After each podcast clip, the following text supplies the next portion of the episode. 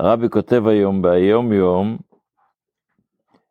זה גם קשור השנה, איך שזה גם היה בשנה שהרבי כתב היום יום בתש"ג, לפרשת השבוע. כתוב שפרשת השבוע מתחילה ויגש אליו יהודה, אז בחסות מוסבר, יהודה מסמל את עניין של תפילה מלשון מודה, ויוסף מסמל עניין של תורה, הבנה. אז הרבי כותב, שכשמשיח יבוא, אזי יראו את המעלה של ההודעה התמימה, שזה בן אדם שמאמין ככה באמונה שלמה, בתמימות. וכשכולם מאמינים באמונה טהורה בהשם, ברוך הוא, ובתורתו ומצוותיו.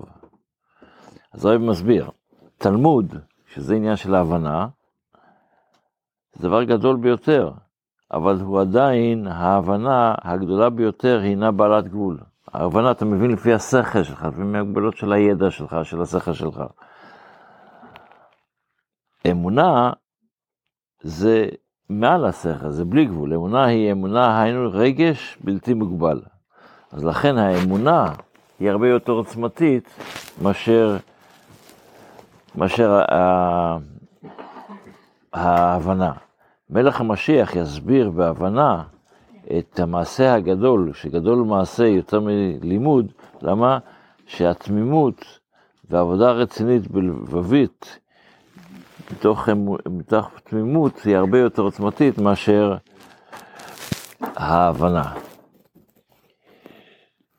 אנחנו בספר המצוות, למדנו את כל, סיימנו את כל ספר המצוות ולכן מי שרוצה שילך לשיעורים הקודמים, שנה קודמת, ויבדוק את ספר המצוות בהבנה שלו. ובמקום זה אנחנו עוברים היום להלכה, לשני הלכות יומיות. מעכשיו, שני הלכות יומיות.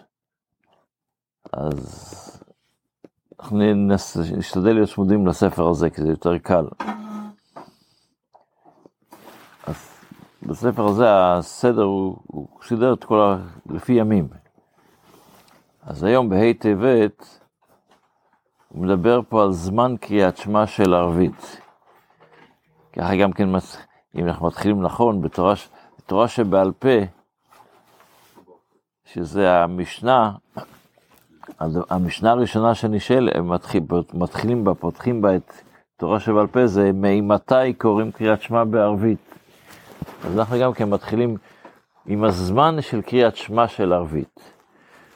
זמן קריאת שמע של ערבית הוא מיד בצאת הכוכבים.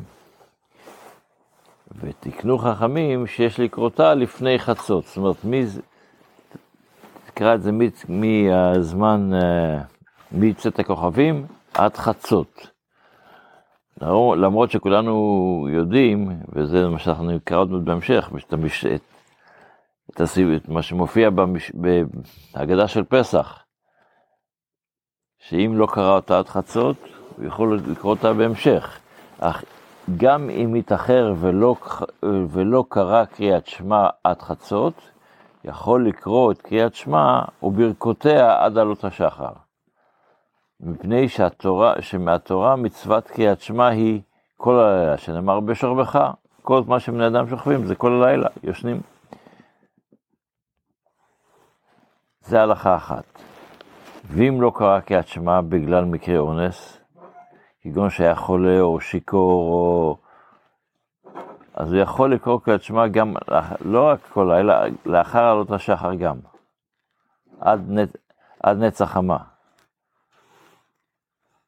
ויתחיל בברכות קריאת שמע, יש, ברכ... יש קריאת שמע ויש ברכות קריאת שמע. בערב זה שני ברכות, בבוקר זה שלוש ברכות, בערב זה שני ברכות לקדימה ושתי ברכות אחריה, ובבוקר זה שני ברכות לפניה וברכה אחת לאחריה. אבל...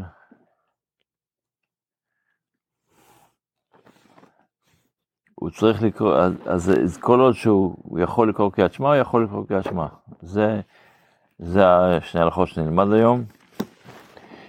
ב... בתפילה... אה? זה שני הלכות כבר, ההלכה הראשונה שאם הוא צריך לקרוא עד חצות, וההלכה השנייה, שאם הוא לא קרא עד חצות הוא יכול לקרוא, יכול לקרוא אה, גם בהמשך. בתפילה אנחנו בקטע הבא הווה מסדר סדר מערכה משמעות הגמרא, ואליבא דאבא שאול. מה פירוש אליבא דאבא שאול?